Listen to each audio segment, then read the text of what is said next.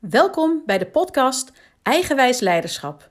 De podcast over krachtig, intuïtief en energiek leiderschap. Leiderschap vanuit je eigen wijsheid. Laatst zei een uh, vriend van me tegen mij: Goh, jij bent op filmpjes op social media altijd zo eerlijk over hoe je je voelt. En ook als je even minder goed in je vel zit. Daar kan ik nog wat van leren. En toen dacht ik, oh, misschien is het wel interessant om een podcast ook op te nemen over waarom vinden, het veel, men, vinden veel mensen het toch ook lastig om te zeggen wanneer het even niet zo goed gaat. Want laten we wel wezen, ik denk dat iedereen rationeel gezien wel weet dat het niet reëel is om altijd goed in je vel te zitten. Of om altijd positief te zijn en dat altijd alles voorspoedig loopt. Maar toch hebben we de neiging om aan de buitenkant te laten lijken alsof dat wel zo is. En wanneer je kijkt naar social media, dan lijkt het alsof bij alles en iedereen het altijd één grote, big, happy gebeurtenis is. Of, nou ja, ik heb ook al mensen meegemaakt, mensen slaan helemaal door de andere kant op en laten alleen maar ellende zien. En nou, ik chargeer hier natuurlijk ook en dat realiseer ik me. En ik merk gelukkig ook dat ook op social media het wel zo is dat mensen. Ik zie het overigens meer bij ondernemers nu ik zo over nadenk dan bij bedrijven of particulieren. Dus ik weet niet wat dat zegt. Maar los daarvan, ik zie dus wel steeds dat steeds meer mensen ook hun struggles wel delen. Maar wat maakt het dus dan ook dat je dus niet zo makkelijk deelt uh, als het minder goed gaat? Ik denk dat dat heel erg gerelateerd is aan ego en aan angst. Angst om niet leuk genoeg te zijn, angst om er niet bij te horen, uh, dat anderen je wellicht raar vinden omdat je anders bent, dat ze je raar vinden omdat je even niet blij bent of omdat dingen niet lukken.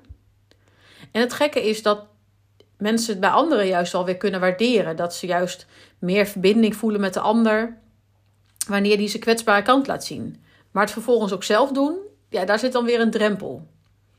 Het gaat vaak over schaamte. Hè? En, en schaamte is uh, zo'n ontzettend krachtige als emotie. Um, daar, daar breek je soms gewoon niet doorheen. En schaamte is de angst voor onverbondenheid. De angst dat we iets hebben gedaan of juist niet hebben gedaan. Um, wellicht ook een doel wat je niet hebt gehaald. Of waardoor we het van onszelf uiteindelijk het idee hebben dat we de verbondenheid niet waard zijn. En we zijn allemaal bang om over schaamte te praten, terwijl het tegelijkertijd iets is wat we allemaal kennen. En dat het ook nog een keertje zo werkt dat hoe minder je over schaamte praat, hoe meer schaamte je krijgt op je leven en op de dingen die je doet. Dan wordt de drempel eigenlijk steeds groter nog. En schaamte is ook wel iets. Um, schaamte is ook weer iets anders dan schuld. Schaamte doet ook echt wel pijn. De pijn die we voelen ook naar aanleiding van sociale afwijzing en onverbondenheid. Dus dat is echt wel, wel echte pijn. En uh, als het gaat ook over schaamte, dan um, gaat het ook over een gevoel dat je hebt dat je bijvoorbeeld een akelig persoon bent, in plaats van dat je alleen akelig gedrag vertoont. Schaamte kan ook echt met je hele soort gedachtencyclus aan de haal gaan. En zeker dus wanneer je er dan niet over praat, dan wordt het helemaal je eigen werkelijkheid. En misschien heeft het ook wel te maken met, weet je, we zijn veel, vaak veel strenger voor onszelf dan voor de ander. Terwijl het ook zo is dat wanneer je oordeelt over een ander, dat heel veel zegt over hoe je oordeelt over jezelf. En wanneer je heel streng bent naar jezelf, kijk je vaak ook veel kritischer naar anderen. Maar wanneer een ander, fout, wanneer een ander fouten maakt, zeg maar, dan is dat wel oké. Dat maakt de ander misschien wel wat menselijker. Ja, of het is natuurlijk zo, wanneer de ander fouten maakt, dan denk je bij jezelf, phew, ben blij dat ik dat niet was. Of uh, je voelt je even beter dan de anderen, dat geeft je een goed gevoel. Maar dan gaat het dus wel echt over jouw ego. Het gaat echt over jou. En wanneer jij jezelf volledig accepteert, wanneer jouw zelfliefde groot is, um, wanneer je ook je kwaliteiten kent, maar ook je valkuilen en ook beide omarmt, weet je, dan zal je veel minder kritisch naar jezelf zijn. Dan zal schaamte veel minder vat op je hebben. En dan zal je ook makkelijker kwetsbaar durven opstellen. En ook kwetsbaarheid, hè, dat is ook een. Um, daar hebben we vaak ook een stempel op geplakt van zwakte. Terwijl het juist heel veel moed, heel veel lef uh, vergt om je kwetsbaar op te stellen.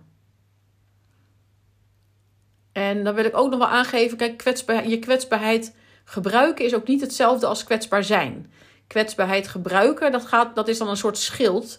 Terwijl kwetsbaar zijn gaat over overgave, vertrouwen, uh, controle loslaten. Eigenlijk heb je bij kwetsbaar zijn geen verwachting om iets te krijgen van de ander. En wanneer je je kwetsbaarheid dus gebruikt en dit ook deelt met anderen, is het goed om jezelf af te vragen: ehm, waarom wil ik dit delen? Of wat wil ik hiermee bereiken? Misschien ook wel wat wil ik of wat durf ik niet van mezelf te laten zien. Ik ken ook wel mensen die juist hun lichamelijke pijn of hun frustraties constant uiten. En ik vraag me dan ook wel eens af van, goh, wat maakt nou dat iemand dat doet? Het lijkt dan ook wel alsof iemand een soort verslaafd is aan het gevoel van pijn. Omdat ze dan door dat te delen met anderen een vorm van aandacht krijgen wat prettig is. Omdat het gewoon überhaupt aandacht is. Terwijl ja, het is natuurlijk in wezen een, natuurlijk, een, een, een negatieve vorm van aandacht. En dat zie je natuurlijk ook wel bij kinderen. Hè. Sommige kinderen zie je ook vaak op een negatieve manier aandacht vragen. Maar dan gaat het ook niet vaak over uh, kinderen die vervelend zijn. In mijn, in, met mijn beleving, maar kinderen die in een vervelende situatie of moeilijke omstandigheden opgroeien. Maar, nou goed, dat terzijde. Um, ja, en waar ik dus inderdaad ook gebleven was, weet je, dus je kwetsbaarheid gebruiken is dus ook niet hetzelfde als kwetsbaar zijn. En wanneer het dus ook gaat over pijn en ook over angst, dan is dat ook vaak iets wat we niet aan willen. Maar wanneer je jezelf dus gaat accepteren of aanvaarden, dan is het nodig om ook te aanvaarden dat je niet iedere dag positief bent en niet leuk voor altijd alles en iedereen. Dat het oké is om af en toe een off-day te hebben. En dat het oké is voor jezelf. Dat is echt stap 1. En nou ja, dat dan, of je dat dan moet uiten naar anderen, nou ja, dat, dat mag je dan helemaal zelf weten. Maar uh, het is gewoon oké. Maar ja, die innerlijke criticus in onszelf, die praat vaak veel harder dan onze innerlijke wijsheid. Dat is dat, dat, is dat zachte stemmetje. En van die innerlijke criticus is het wellicht ook, ook niet oké om bang te zijn. En dat zijn dan vaak ook wel weer de stemmen van je omgeving. De patronen die je in je hebt. En je, of je familie of de organisatie waar je werkt en waar het not dan is om uit te spreken dat dingen zwaar zijn of dat iets niet lukt. En zeker in de technische sector herken ik dat sterk. Toch van oorsprong een, een masculine wereld. En mannen gaan door, mannen zijn sterk. Terwijl ja, wat is nou sterker? Hè? Uh, doorgaan ten koste van jezelf of de moed hebben om voor jezelf te kiezen en bijvoorbeeld je rust te pakken of toe te geven aan je verdriet. Ik denk het laatste. Ik denk dat dat veel krachtiger is veel, en veel meer moed, veel meer lef nodig heeft. Dus ja, wat is sterk zijn? Hè? Dat is uh, mooie vraag. Dan weet je, wanneer het, weet je, als het gaat over bijvoorbeeld uh, overleven of winnen, dan, uh, dan is een succes. Dan, overleven of winnen is een succes wanneer het gaat om een wedstrijd of wanneer je het hebt over een oorlog. Maar wanneer dat voorbij is, dan gaat het over verbondenheid. En dat krijg je niet als je alleen maar blijft zeggen hoe goed het gaat of hoe goed je bent. Uiteindelijk, je bent natuurlijk een stuk menselijker wanneer je af en toe zegt: Ik weet het niet. Of dat is niet mijn kwaliteit, daar moet je mijn buurvrouw voor hebben. Of um, ik heb vandaag even minder energie, ik geef me er even aan over. Ik uh, doe even een, uh, een bankdagje of ik neem even een dagje vrij.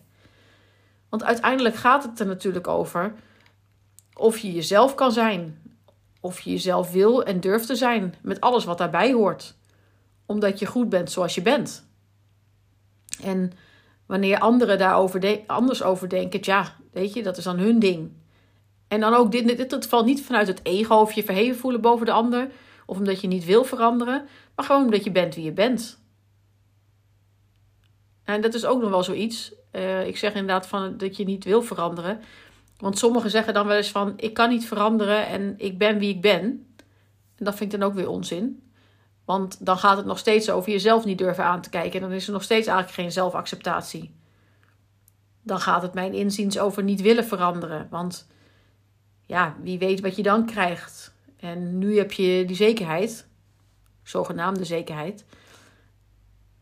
Maar goed, weet je, de wereld verandert en dus is het logisch om mee te veranderen bedoel, iedereen zegt natuurlijk ook wel stilstaan achteruitgang. Maar ja, dat is ook wel zo. Uiteindelijk um, moet je ook mee veranderen. En is het ontzettend belangrijk om af en toe jezelf aan te kijken. Om jezelf persoonlijk te ontwikkelen. Om jezelf beter te leren kennen. Om je eigen triggers dus inderdaad ook te kennen. En in het geval dus ook van als iemand zegt: Ik kan niet veranderen. ja, dan zou ik haast willen vragen van, goh, ja, of is het, ik wil niet veranderen. En onderzoek dan eens je angst voor die verandering. Want dat vind ik ook een interessante, misschien wel eens leuk iets voor een, eh, voor een nieuwe podcast. Maar um, nou ja, jezelf dus inderdaad accepteren met alles wat daarbij hoort. Dat is denk ik echt wel het belangrijkste. Jezelf uh, kunnen en durven zijn. En um, nou ja, dat af en toe dus ook inderdaad aan een ander te uiten. En daar ook niet moeilijk over te doen. Ik denk dat op het moment dat mensen dat steeds meer gaan doen, dat je dan ook steeds meer een, een inspiratie bent voor anderen. En binnen welke sector je dan ook werkzaam bent. Maar ook zeker binnen de technische sector denk ik dat dat. Ja, dat gaat veel meer brengen en veel meer verbondenheid brengen als. Ehm, als mensen zich daar ook veel meer in gaan uiten. En dat het dus niet, niet meer zo gaat over die status en dat ego. Want uiteindelijk, ja, dat ego, dat is niet waar je blij van wordt, dat is niet waar je gelukkig van wordt. Dat gaat veel meer over, over de verbondenheid met mensen. En wanneer je die verbondenheid wil, ja, dan is het logisch om je menselijke kant te laten zien. Niet uh, jezelf als superheld, zeg maar. Dus uh, nou, ik ben heel benieuwd ook hoe jullie hier uh, tegenaan kijken. Dus misschien kunnen jullie me dat laten weten, ook op socials. En uh, dan ga ik het hier voor vandaag, voor vandaag eventjes bij laten. Ik wens jullie een hele fijne dag. Vind je het leuk om me verder te volgen? Anders gezegd, wil je niets van me missen? Abonneer je dan op mijn podcast. Ik ben sowieso erg benieuwd wat je van mijn podcast vindt en ik zou het enorm waarderen wanneer je een review achterlaat. Tot snel!